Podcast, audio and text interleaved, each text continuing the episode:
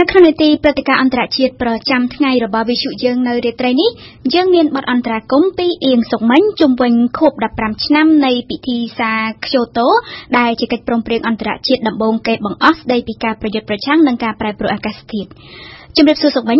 ចាសជំរាបសួរភីរីចាសសុកមិញនៅថ្ងៃទី16ខែកុម្ភៈឆ្នាំ2020នេះគឺជាគម្រប់15ឆ្នាំគត់ដែលពិធីសាខ្យូតូបានចូលជាធរមាន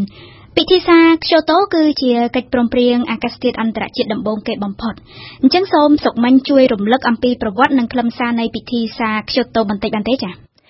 ចាប់ពីពិធីសាខ្យូតូគឺជាកិច្ចព្រមព្រៀងអន្តរជាតិដែលមានកម្មវត្ថុចង់កាត់បន្ថយការបញ្ចេញឧស្ម័នផ្ទះកញ្ចក់និងសម្រាប់មកបំពេញអនុ សញ្ញាគោលស្ដីអំពីការប្រែប្រួលអាកាសធាតុរបស់អង្គការសហប្រជាជាតិ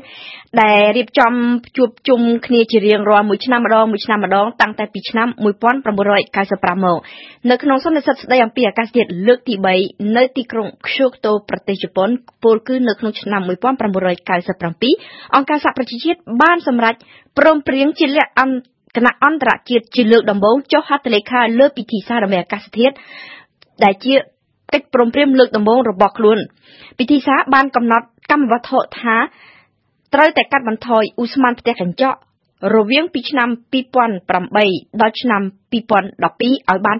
5%ដោយយកបរិមាណនៃការបញ្ចេញឧស្ម័នពុលនៅក្នុងឆ្នាំ1990ជាគោលក៏ប៉ុន្តែភារីគេត្រូវរងចាំរហូតដល់ទៅថ្ងៃទី16កុម្ភៈឆ្នាំ2005ក្រោយពីរុស្ស៊ីព្រមផ្ដល់សច្ចាប័នលើពិធីសារនៅឆ្នាំ2004ទើប គេឃើញពិធីសាខ្យូតូបានចូលជាធរមានពីព្រោះត្រង់នេះខ្ញុំសូមបញ្ជាក់បន្តិចភារីដើម្បីឲ្យកិច្ចព្រមព្រៀងឬក៏ពិធីសាមួយមានសុពលភាពនឹងអាចចូលជាធរមានបានដរាបណាតែមានប្រទេសហត្ថលេខីប្រទេសមានឧស្សាហកម្មជឿនលឿនយ៉ាងតិច55ប្រទេសនិងតំណាងឲ្យ55%នៃការបញ្ចេញឧស្ម័នផ្ទះកញ្ចក់សរុប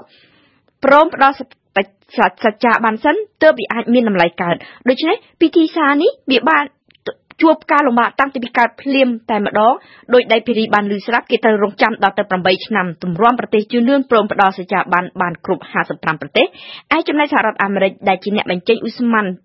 ពលខ្លាំងជាងគេលំដាប់ទី1ពិភពលោកនោះបានចុះហត្ថលេខាលើពិធីសាខ្យូតូមែនតែមិនបានផ្ដល់សច្ចាប័នទេចុះពិធីសាមានប្រសិទ្ធភាពទេហើយនឹងមានការអនុវត្តតាមបានកម្រិតណាដែរសុំមិញតាំងតែពីពិធីតា តាក់តែងពិធីសារដល់ពេលចូលជាធរមានពិភពលោកមានការផ្លាស់ប្ដូរច្រើនពីព្រោះដោយសារតែការនោះវាប្រើពេលវេលាយូរផងនៅក្នុងពិធីសារខ្យូតូគេតម្រូវឲ្យប្រទេសឧស្សាហកម្មជាអ្នកប្រឹងកាត់បន្ថយឧស្ម័នផ្ទះកញ្ចក់ឯក្រុមប្រទេសអ្នកក្រីក្រកំពុងអភិវឌ្ឍមិនចាំបាច់ទេឬក៏ថាមិនតាក់ទងឡើយក៏ប៉ុន្តែបញ្ហានៅត្រង់ថាចន្លោះពេលនោះភារីប្រទេសកំពុងអភិវឌ្ឍបានคล้ายទៅជាអ្នកបញ្ចេញផ្សែងពុលដ៏ធំនឹង នឹងខ្លាំងខ្លាំងទៅវិញឧទាហរណ៍ជាក់ស្ដែងគឺចិនតែម្ដងចិនដែលកាលពីឆ្នាំ1997ត្រូវបានគេចាត់ទុកជាប្រទេសកំពុងលូតលាស់ដូច្នេះគ្មានកាតព្វកិច្ចកាត់បន្ថយការបញ្ចេញផ្សែងពុលឡើយតែពេលក្រោយមកបានคล้ายទៅជាប្រទេសឈរក្នុងលំដាប់ទី1ក្នុងចំណោមប្រទេសដែលបញ្ចេញឧស្ម័នផ្ទះកញ្ចក់ខ្លាំងជាងគេនៅឆ្នាំ2006ពលគឺតែមួយឆ្នាំគត់ក្រោយពីពិធីសារបានចូលជាធរមានដូច្នេះប្រសិទ្ធភាពរបស់ពិធីសារវាត្រូវធ្លាក់ ចុះអស់មួយចំណុចបាត់ទៅហើយហាក់បើតាមពិធីសារឆ្នាំ2005ប្រទេសដែលបានផ្ដល់សច្ចាប័នតំណាងឲ្យ55%នៃការបញ្ចេញឧស្ម័នផ្ទះកញ្ចក់នៅក្នុងបរិយាកាសសរុបតែថយមកនៅត្រឹមតែ36%នៅឆ្នាំ2010ជាមួយនឹងការស្ទុះឡើងនៃប្រទេសកំពុងអភិវឌ្ឍនឹងតែត្រឹម15%ប៉ុណ្ណោះនៅឆ្នាំ2012ហើយក្រៅអំពីការដាក់កំហិតតែលើក្រមប្រទេសឧស្សាហកម្មពិធីសារមានប្រសិទ្ធភាពតិចតួចដែរចំពោះការ ប្រែប្រួលអាកាសធាតុនឹងមិនសូវមានជោគជ័យពីព្រោះមានមូលហេតុពីរទៀតគឺអ្វីភីរីគឺកង្វះមហិច្ឆតានិងអវត្តមានរបស់ក្រុមអ្នកប្រទេសអ្នកបញ្ចេញផ្សែងពុលខ្លាំងអវត្តមានរបស់សហរដ្ឋអាមេរិកចិនរុស្ស៊ីនិងជប៉ុនព្រមទាំងកាណាដាវាពិតជានឹងធ្វើឲ្យពិធីសារមិនសូវមានឥទ្ធិពលនិងប្រសិទ្ធភាពទេក៏ប៉ុន្តែភារីបើតាមរបាយការណ៍របស់អង្គការសហប្រជាជាតិពិភពលោកពិតជាបានសម្រេចកម្មវត្ថុកំណត់នៅក្នុងពិធីសារតូក្យូហើយសម្រេចបានលើសកម្មវត្ថុទៅទៀត ដោយបានផ្ដល់តលយការថានៅរវាងឆ្នាំ1990ដល់ឆ្នាំ2012មានការកាត់បន្ថយឧស្ម័នផ្ទះកញ្ចក់បានដល់ទៅ24%មិនមែនត្រឹមតែ5%ដោយកំណត់នៅក្នុងកម្មវត្ថុឡើយតែតួលេខនេះមិនបានរាប់បញ្ចូលការបញ្ចេញឧស្ម័នពុលរបស់សហរដ្ឋអាមេរិកនិងកាណាដាដែលមានដល់ទៅ18%នៅរវាងពីឆ្នាំ1990និង2012នេះទេតាមការពិត តលយៈការរបស់អង្គការសហប្រជាជាតិនេះមិនខុសឡើយពីព្រោះពេលនោះគឺដោយសារតែបរិបទនយោបាយនិងសេដ្ឋកិច្ចរបស់ពិភពលោកពេលនោះពិភពលោកមានកើតហេតុការណ៍ធំពីរគឺការដួលរលំនៃរបបកុម្មុយនីសប្លុកសូវៀតនិងវិបត្តិសេដ្ឋកិច្ចឆ្នាំ2008ប្រសិនបើគ្មានព្រឹត្តិការណ៍ពេលនេះ ពីនេះទេភេរីនោះការកាត់បន្ថយឧស្ម័នផ្ទះកញ្ចក់ទំនងសម្រេចបានត្រឹមតែ4%តែប៉ុណ្ណោះប៉ុន្តែជាសរុបទៅពិធីសារចូលតូនៅតែទោះបីជាមានការរិះគន់និងលទ្ធផលយ៉ាងនេះឆ្នេះពិធីសារ